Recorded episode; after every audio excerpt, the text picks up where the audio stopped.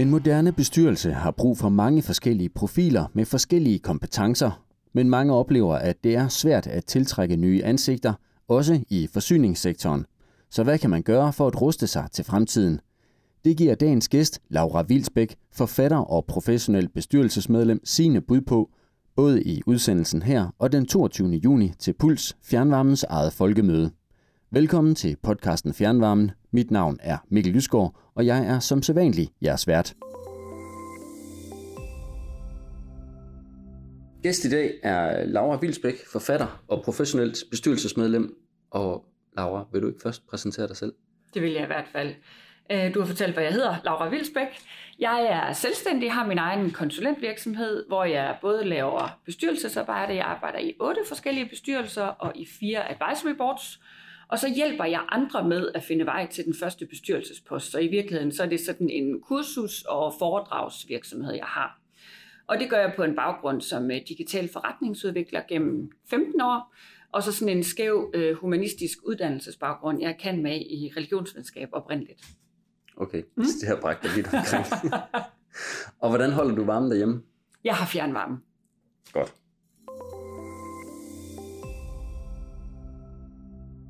Først og fremmest, hvad, hvad giver det dig at være i en bestyrelse?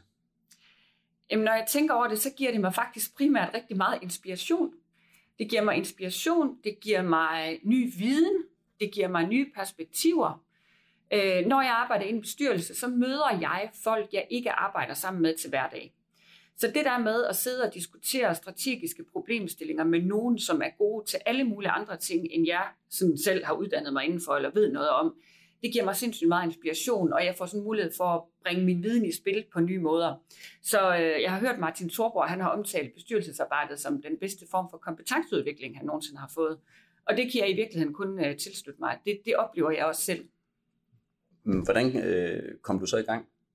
Jamen, det gjorde jeg på et af de famøse åbne opslag. Fordi dem er der jo ikke ret mange af. Det er jo sådan lidt et lukket land, og især de der bestyrelser, jeg arbejder i, som er sådan klassiske selskabsbestyrelser, i helt almindelige danske små og mellemstore virksomheder, der er under 8% af alle bestyrelsesposter, der bliver besat via åbne opslag. Men der var altså en virksomhed i Ribe, en produktionsvirksomhed, som lavede et åbent opslag. Og da jeg så det, så tænkte jeg, at de søgte sådan en med digital baggrund. Så da jeg så det, så tænkte jeg, at hvis jeg nogensinde skal byde ind på en bestyrelse, så er det her, jeg gør det. Så jeg kom altså i gang via et åbent opslag. Øh, og der fik jeg også min første post. Og derefter begyndte jeg så at blive kontaktet, fordi man har fået, når man har fået de første poster, er det lidt nemmere at få de næste. Okay. Hvordan kan det være?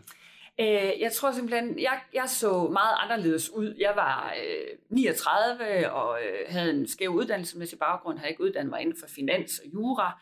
Øh, og så jeg tror, der var brug for noget legitimitet i virkeligheden. Altså når nogen havde set mig i rollen og sat mig ind i bestyrelseslokalet og bestemt sig for, at der kunne jeg godt bidrage, så turde andre også begynde at tro på det.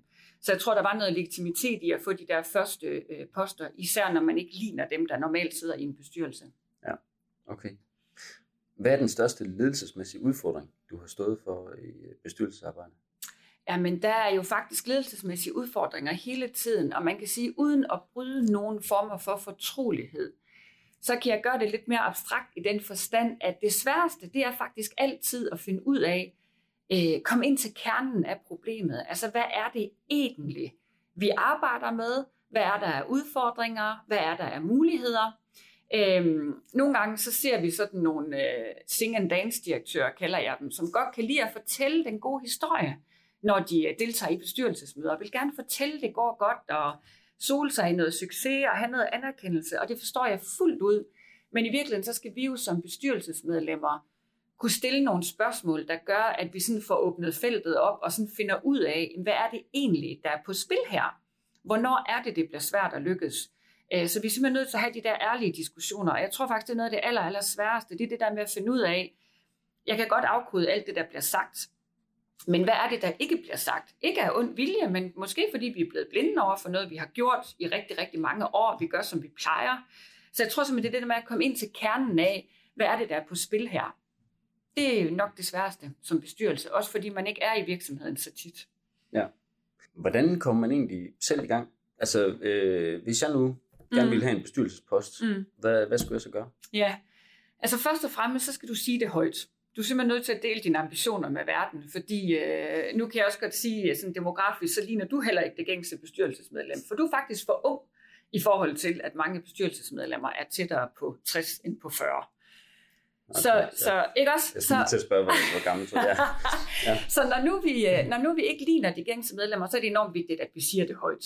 Og det er det også af den grund. Det kan være, at der er nogen, der kigger på os og tænker, jeg ved, om vi overhovedet er interesseret. Vi har nok nok at se til at få travlt eller et eller andet. Så det første, vi kan gøre, det er at dele vores ambitioner med omverdenen.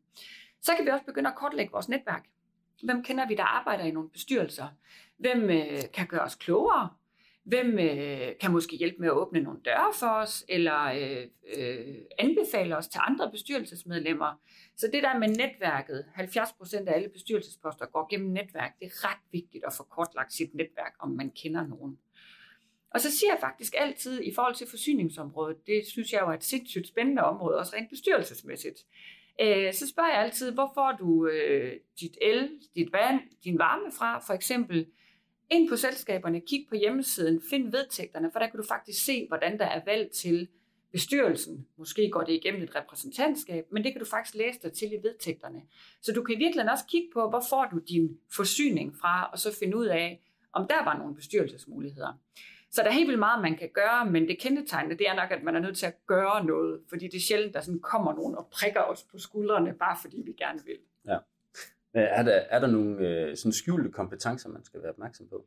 Jamen det tror jeg faktisk, der er. Altså for det første, så har vi jo haft en tendens til enten at rekruttere nogen, der er super skarpe på branchen eller driften, eller nogen, som er super skarpe på økonomien, sådan det finansielle og det juridiske, sådan det selskabstekniske.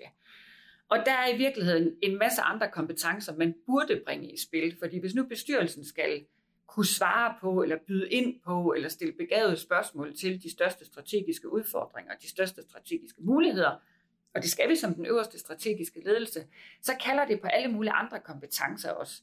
Så der er ikke sådan nogle kompetencer, man partout skal have. Man skal ikke være uddannet jurist eller økonom, eller øh, være tung i driften for at arbejde i en bestyrelse.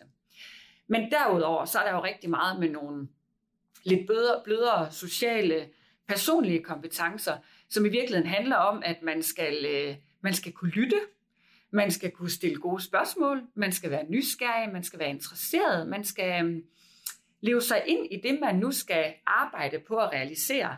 Så i virkeligheden, så tror jeg faktisk, at øh, motivation nogle gange er sådan lidt en overset kompetence. Fordi jeg vil da 100 gange hellere have nogen med ved bordet, som er motiveret for at skabe en positiv forandring og bidrage til en positiv forandring, end nogen, der på papiret kan det hele, men måske er lidt mere tilbagelænet. Ja, men, men øh, altså skal man, skal man brænde for det, man går ind i? Øh, altså for eksempel så er der jo ikke særlig mange, der kender fjernvarmebranchen. Nej, øh, og der tror jeg faktisk, og det tror jeg, vi kommer ind på, fordi det tror jeg faktisk er en af udfordringerne, og det var det også for mig, før jeg gik ind i en bestyrelse. Jeg vidste ikke, hvad man lavede. Jeg synes, det lød lidt kedeligt. Jeg troede faktisk, det var sådan noget med, at man måske skændtes lidt og sådan fandt fejl og placerede skyld og kontrollerede ting og sådan noget. Og det synes jeg ikke lød særlig interessant. Så jeg tror faktisk det der med, at vi får fortalt om bestyrelsens opgave og ansvar på en ny måde, så man får skabt en ny fortælling om, at bestyrelsen er den øverste strategiske ledelse, og øh, hvilke dagsordner man faktisk har mulighed for at arbejde med og realisere og påvirke som del af en bestyrelse. Så, så, så i det blik, hvis vi tager det blik på, øh, på bestyrelsen, så synes jeg, det betyder rigtig, rigtig meget, at man også brænder for sagen. Men, men ikke nødvendigvis. Altså, øh... Du behøver ikke at kende driften i dybden, vel? Fordi der, der ser jeg i virkeligheden den sektor, som vi så taler om nu, øh, som sådan super teknisk. Altså, øh, jeg, jeg har arbejdet inden for sektoren sådan i mit tidligere konsulentvirke, det er super kompliceret at finde ud af, hvad, hvad det er, vi egentlig gør i driften ude på alle de her anlæg. Og det er faktisk uanset om vi taler elvand eller varme, det, det er super kompliceret. Så der tror jeg i virkeligheden, det er vigtigt, at vi har nogen i bestyrelsen, som forstår kerneopgaven. Og det vil jeg også altid sige i mine virksomhedsbestyrelser. Vi skal have nogen, der forstår kerneopgaven og forstår branchen. Men det er ikke det samme som, at vi alle sammen skal have et dybt teknisk kendskab til branchen eller kerneopgaven. Der kan det godt være, at vi skal forstå sådan vi skal sætte os ind i, hvad det drejer sig om, men ud over det, så skal vi måske bringe noget nyt til bordet, og der tænker jeg i hvert fald, at der er nogen, der vil kunne byde ind på digitalisering og den grønne omstilling, som jeg ser forsyningssektoren som en kæmpe stor aktør i. Der vil måske være nogle supplerende kompetencer, som ikke har dyb teknisk viden, men som brænder for nogle andre agendaer, og i virkeligheden kan smide det ind i puljen, så vi får nogle bedre diskussioner i bestyrelseslokalet. Netop fordi vi faktisk byder ind med noget forskelligt. Ja. Du skriver på, øh, selv på din hjemmeside, at du har meget fokus på øh, innovationsmuligheder og det kommercielle. Mm. Men nu er netop øh, store dele af forsyningssektoren er jo non-profit ja. øh, sektor, hvor kerneydelsen det er mere øh, forsyningssikkerhed og så grøn omstilling. Mm. Stiller det nogle særlige krav til bestyrelserne? Ja, det synes jeg helt klart, det gør, fordi vi skal selvfølgelig altid leve op til det ansvar, vi har som bestyrelsesmedlemmer. Og et sådan helt fundamentalt ansvar, vi har, det er jo også en sund drift. Altså, i virkeligheden får vi mest muligt for pengene, forvalter vi økonomien så godt som overhovedet muligt. Og det er jo også bestyrelsens opgave. Så i virkeligheden, hvis jeg kommer og øh, ser på nogle innovationsmuligheder eller noget kommercielt, så handler det jo også rigtig meget om, driver vi en sund forretning, og kunne vi gøre ting på andre eller nye måder for at drive en endnu bedre forretning. Så selvom vi er non-profit, så handler det jo stadigvæk om at få mest muligt ud af de ressourcer og midler, vi nu har at drive forsyning for. Så, så det er i virkeligheden bare for at supplere igen og sige, der er stadigvæk brug for en sund drift under det hele. Det må vi aldrig nogensinde gå på kompromis med. Der er brug for forsyningssikkerhed. Det skal vi tage super alvorligt. Men det er faktisk en hygiejnefaktor. Og ud over det, kan vi så gøre det smartere, billigere, hurtigere, give bedre kundeoplevelser til vores medlemmer, øh, eller kunder kan vi også have forbrugere. Øh, så i virkeligheden så handler det om at se flere forskellige facetter, vi kan byde ind med, til at skabe så god en forsyning som overhovedet muligt. Hvordan øh, skal det enkelte selskab så gå til opgaven med at finde ud af, hvilke kompetencer de, de mangler i ja. en bestyrelse? Ja, altså jeg, jeg øh, laver også øh, sådan bestyrelsessammensætninger sammen med alle mulige forskellige virksomheder, og det, jeg laver virkelig sådan en super simpel øvelse med dem og siger, hvad er det for nogle mål, vi gerne vil nå? Altså har vi sådan nogle målsætninger, vi gerne vil nå, en eller anden strategi, vi gerne vil realisere, og hvad ser vi er vores største udfordringer i forhold til at realisere den strategi? Hvad kunne det kalde på af kompetencer? Og hvor ser vi nogle store muligheder i vores strategi, og hvad kunne det kalde på af kompetencer? Og så kig rundt om bordet ærligt og sige, er vi de allerbedste til at byde ind på det, hvis vi bare anlægger et kompetenceperspektiv, eller et erfaringsperspektiv, kan man også sige. Og så skal man jo være super ærlig over for sig selv og hinanden og tage stilling til, er vi de rigtige til at byde ind på den grønne omstilling, en sund drift, øh, digitalisering, data, automatisering, hvad end det er. Er vi de rigtige til at byde ind på det? Og hvis ikke vi er det, skulle vi så begynde at øh, mobilisere og se, om vi kunne øh, få nogle nye medlemmer med? Men kræver det så ikke også, at der ofte er nogen, der er nødt til at sige, okay, så øh, må jeg kigge ind, og så passer jeg måske ikke jo, det gør det jo, det gør det jo tit. Øh, det jeg også ser øh, sådan forbrugerejede eller medlemsejede organisationer gøre generelt, det er jo det der, at man også skal tage et kig på sine vedtægter. Altså der er jo faktisk nogen, der ligger i øh, meget, meget små forsyningsområder, for eksempel, som har øh, 50 øh, husstande eller 100 husstande eller et eller andet, øh, ligger langt væk, er, øh, er ramt af øh, generations, øh, en generationsslagside, ikke? en aldersslagside, hvor det kan være svært at, at mobilisere og rekruttere, hvis man gerne vil have unge ind for eksempel, så kan man jo faktisk tage et kig på sine vedtægter og så sige, skulle vi have mulighed for at have eksterne medlemmer, skulle vi have mulighed for at få en eller to uden for vores forsyningsområde. Så hvis ikke vi er klar til at kigge indad, og vi synes, vi er de bedste, der sidder, de fire-fem omkring det der bord, så kan man jo tage et kig på vedtægterne og så se, jamen skal vi faktisk have mulighed for at mobilisere og rekruttere bredere, end vores vedtægter giver mulighed for i dag. Hvorfor kan det være svært at rekruttere nye medlemmer? Jeg tror, vi har været lidt inde på det der med, at øh, der er faktisk ikke ret mange, der ved, hvor spændende det er, det man laver i bestyrelsen. Altså for det første, hvad laver man egentlig? Det er noget af det, jeg bliver spurgt rigtig meget om, når jeg fortæller, at jeg arbejder i nogle bestyrelser. Så sådan, hvad laver man egentlig? Så først og fremmest så handler det jo om at skabe noget synlighed i virkeligheden, og fortælle om, hvad er det egentlig, vi laver. Og så i virkeligheden også lave en fortælling, som det er interessant at blive en del af ikke sminke et lig, men i virkeligheden bare få noget frem i lyset, hvor man sådan øh, kigger på sig selv lidt udefra og siger, jamen vi er faktisk en stor aktør i forhold til den grønne omstilling. Vi arbejder med digitalisering, vi arbejder med data, vi arbejder med automatisering, øh, vi arbejder måske rigtig meget med kommunikation, øh, vi vil gerne øh, præge den politiske dagsorden. Hvad ved jeg? Men hvis man i virkeligheden kigger på, hvad er det egentlig, vi laver, og får skabt en fortælling og noget synlighed omkring det, så vil det i hvert fald være nemmere at finde nogen, der har lyst til at byde ind. Og så kan man så sige, når man finder dem, der har lyst til at byde ind, så skal man jo også sørge for, at det er et rum, man føler sig velkommen i. Så øh, jeg kunne godt tænke mig nogle gange, at vi åbner døren lidt mere til bestyrelseslokalet, og i virkeligheden viser og fortæller, hvad er det, vi laver? Hvordan er det, vi arbejder? Øh, hvad er det, du skal kunne i forhold til økonomien? Altså, at vi virkelig sådan laver en rigtig god onboarding, så vi får øh, basket nogle af de der barriere af vejen, som folk udenfor kan stå og have, fordi det er ikke nødvendigvis bestyrelsen selv, der har barriere. Der kan også godt være nogle barriere, fordi vi faktisk synes, det er enormt fedt at arbejde sammen, og det har vi gjort i mange år, og det har vi lyst til at fortsætte med. Så der kan være nogle barriere i forhold til at invitere andre ind. Vi er bare nødt til også at være åbne over for, at der simpelthen står nogen derude, som ikke aner, hvad vi laver. De har ikke forstået, hvorfor det skulle være interessant. Og så har de måske også svært ved at se sig selv i det billede, hvis vi sidder i bestyrelsen og er sådan en super homogen gruppe, Øh, nu siger jeg bare, at i danske virksomheder, der er det jo øh, mænd på 60 plus og gerne jakkesæt. Øh, og det siger jeg ikke, det er i forsyningsbestyrelserne, men der, der er også en vis homogenitet i sammensætningen. Og der skal vi selvfølgelig vise, at vi faktisk har lyst til og er interesseret i at få andre perspektiver med ind omkring bordet. Så, så der er mange barriere. Nogle ligger i kandidaterne, nogle ligger i bestyrelserne. Men hvis vi sådan nærmer os hinanden og i det mindste begynder at fortælle om, hvad vi laver, og at vi gerne vil have nye kræfter med ombord, så, så har vi i hvert fald sådan basket nogle af de der barriere af vejen. Og, øh, og nu nævner du selv de der mange forskellige kompetencer. Er det derfor, det er vigtigt at have diversitet i en bestyrelse, for netop at få samlet andre kompetencer, så man ikke bare sidder 10 mand, der ligner sig selv ja. eller hinanden? Ja, det tror jeg virkelig, og, øh, og i virkeligheden, så kan jeg enormt godt lide at tale om kompetencer, når vi taler om diversitet, fordi der, der er meget mindre barriere på kompetencer. Altså, det er ret fedt det der med, at man kan sige, at det kunne måske være fedt at have nogen, der kunne byde ind på den grønne omstilling. Hvem er super optaget? Hvem går forrest i den grønne omstilling? Det er der rigtig mange unge, der gør. Hvad med digitalisering? Kalder det på nogle nye profiler rundt omkring bordet? Og så tror jeg bare ikke, man skal være blind for, at der er kompetencer, og så er der erfaring og perspektiver.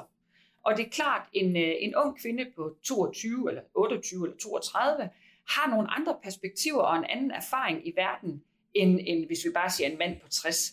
Så jeg tror i virkeligheden både, det handler om kompetencer, viden, erfaring. Det handler simpelthen også om perspektiver, og det der med at se ting på mange måder. Nu sidder jeg sådan og drejer rundt med mine, mine hænder, fordi jeg har sådan et billede af, at man, man bedre kan få sådan en 360 graders, øh, et, et 360 graders blik på de problemstillinger, man diskuterer.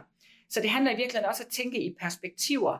Er der, er der noget, vi ikke får øje på, simpelthen fordi vi har den mere eller mindre den samme erfaring i verden her, os der sidder her i forvejen. Ja. Nu er det jo ikke nogen hemmelighed, at i forsyningssektoren, der er der ikke så mange kvindelige øh, bestyrelsesmedlemmer. Det er der heller ikke så mange andre steder. men men øh, hvad er udfordringen med at, at rekruttere kvinder ja. til bestyrelser? Jeg tror, det er lidt det samme som alle mulige andre steder. Altså, vi har jo det, der hedder unconscious bias, hvor man øh, har sådan et billede, der hedder think manager, think male. Så når man ser nogen, der skal bestemme noget, så har man en større tilbøjelighed til at se en mand i den rolle, end en kvinde i den rolle. Og det er jo derfor, man indfører alle mulige rekrutteringsprocesser, hvor man fjerner køn og billede og alder og sådan nogle ting, der kan give indikationer. Og når man gør det, så viser det sig faktisk, at man får flere kvinder med omkring bordet. Så man kan godt gøre det meget forkromet. Man kan i virkeligheden også gøre det super håndholdt, og så kan man lave sådan en flip it to test it, hvor man i virkeligheden siger, hvis hvis øh, en person havde sagt det, som kvinden på 22 sagde, men den person var en mand på 60, ville jeg så have opfattet det anderledes. Så man kan i virkeligheden gøre rigtig meget øh, ved sådan at, at teste sine egne antagelser. Men dybest set så handler det om at afmystificere arbejdet og invitere indenfor. Og øh, når man inviterer indenfor, så kan det både være, at man går ud og prikker nogen og siger, kunne du ikke tænke dig at stille op her hos os? Vi kunne enormt godt tænke os at have det med, som du kan byde på. Det kan også være, at man laver et af de der famøse opslag, som jeg talte om tidligere, hvor man i virkeligheden sådan anskueligt gør, hvad er det, vi har brug for. Og så kan man jo, når nogen reagerer på de opslag, øh, lave en aftale om, at vi skal have halv-halv mænd og kvinder i puljen. Vi skal også have halv-halv mænd og kvinder i forhold til, hvem vi måske inviterer til en samtale. Altså man kan lige så godt køre en professionel rekrutteringsproces på en bestyrelsespost, som vi kan, når vi rekrutterer i driften. Så er der rigtig mange ting, vi kan gøre, men hvis vi har svært ved at få øje på kvinderne, så handler det altså ikke om, at de ikke kan, og de ikke vil. Det er 100% afmonteret. Det er slet ikke det, det handler om. Så det handler måske om, at vi skal gøre os mere interessante i forsyningssektoren og i vores øh, bestyrelser, og fortælle om, hvad er det egentlig for en øh, spændende udfordring, man kan komme til at arbejde med. Og hvis kvinderne så ikke kommer flokken af sig selv, kunne man jo prikke nogen eller spørge nogen, har du egentlig overvejet at byde ind her? Nu ser du uh, opslag. Ja. Er det LinkedIn, du tænker på især? Det er det tit, ja. Altså, der er faktisk en enkelt portal, en hjemmeside, der hedder inboard.dk, som faciliterer bestyrelsesopslag. Så interesserede bestyrelseskandidater og virksomheder, der søger bestyrelsesmedlemmer, organisationer, fonde, NGO'er, forsyningsselskaber, det kan være alle mulige typer organisationer, der søger bestyrelsesmedlemmer. Der kan man slå det op inde på den portal. Der ligger også 3800, tror jeg, bestyrelseskandidater, som har lagt deres profil op, fordi de er interesseret i bestyrelsesarbejde. Så man kan også rekruttere hvis man går ud og, og scanne, selvfølgelig både i netværket, men også den database, der hedder inboard.dk. Og så er LinkedIn bare den primære rekrutteringskanal til bestyrelsessøgninger, fordi der er vi også ret gode til at dele dem og prikke nogen, vi kender. Og øh, hvis det specifikt er kvinder, man leder efter, så kan man søge dem til Selection F, eller til bestyrelseskvinder, eller til kvinder i bestyrelser. Eller... Så der findes rigtig mange netværk, hvor man i hvert fald kan finde de kvinder, der er og har budt ind på, at de er interesseret i bestyrelsesposter. Okay. Kan du her til sidst give sådan tre gode råd til bestyrelser, der skal ud og rekruttere? Ja, jeg vil jo starte med at øh, kigge indad og så sige, hvad er det, vi rigtig gerne vil realisere? Hvad drømmer vi om? Hvad har vi af sådan strategiske muligheder, vi gerne vil øh, prøve at realisere? Og hvad har vi af strategiske udfordringer? Hvad, hvad, hvad har vi svært ved at lykkes med? Hvad er det, vi taler om igen og igen, og vi, får, vi kommer aldrig rigtig videre med det. Vi får svært ved sådan for alvor at drive noget, for drevet noget forretning igennem der. Og så ligesom lave sådan en simpel kortlægning og sige, vores største udfordring, de største muligheder, vi gerne vil løbe efter. Og så lave sådan en, en liste over kompetencer, eller erfaring, eller viden, eller perspektiv. Øh, og så sige, at vi har brug for nogen, der kan noget med digitalisering. Det må gerne være fra en yngre generation, bla bla bla, hvad vi nu leder efter. Og så øh, simpelthen lave et åbent opslag. Gør sig umage med lige at lave en lille stillingsbeskrivelse. Jeg synes jo, det er vildt, at vi øh, tager medlemmer ind i vores bestyrelse, uden vi så har gjort os umage med at sige, hvad det er, vi egentlig har brug for. Så det der med at lave en lille one-pager, bare lige en side om, hvad det er, vi søger, og så øh, sende den ud, for eksempel via LinkedIn, eller lægge den op på Inboard, eller bruge nogle af de andre databaser. Men i virkeligheden lægge den åbent ud, for ligesom at se, hvad kommer der så? Fordi så får vi simpelthen et udvalg, som går ud over vores eget netværk, altså som var andre end dem, vi lige selv kendte. Og det er klart, før man kører denne her proces, der skal man jo lige tjekke sine vedtægter, fordi det kan godt være, at man er begrænset af et bestemt postnummer, men så skriver man bare det i, øh, i sit opslag, at det er inden for denne her, øh, det er inden for det her postnummer, eller inden for den, det her forsyningsområde. Det er jo fuldstændig fair, men at man i hvert fald ikke gør sig umage med at beskrive, hvad er det, man har fat i. Og hvis der så ikke kommer nogle gode ansøgere, så kan man jo gøre sig lidt mere umage med at gå ud og prikke nogen og spørge nogen, øh, øh, nogle af dem, der, der sidder i bestyrelsesnetværk for eksempel, har I nogle gode kandidater? Der findes rigtig mange bestyrelsesnetværk også. Og der er altså et overudbud af kandidater i forhold til bestyrelser, der søger medlemmer. Så det burde være muligt at finde nogle nye skide gode medlemmer, som går ud over dem der, man normalt kigger på og henter medlemmer fra. Godt. Tusind tak, fordi du ville være med. Selv tak. En fornøjelse. Du kan som sagt høre mere til Laura Vilsbæk til Puls, der afholdes den 22. juni. Du kan tilmelde dig på danskfjernvarme.dk. Magasinet Fjernvarmen er på vej i trykken og ud til abonnenterne. Temaet denne gang er Dansk Fjernvarmes udspil Fart på et grønt Danmark om uafhængigheden af russisk gas, tryk på udfasning af gasfyr og den grønne omstilling. Det var alt for denne 24. udgave af podcasten Fjernvarmen. Husk at følge os på Spotify og iTunes, så du ikke går glip af nye afsnit. Og hvis dette er din første udsendelse, så har vi 23 tidligere afsnit om alt lige fra biomasse til cybersikkerhed.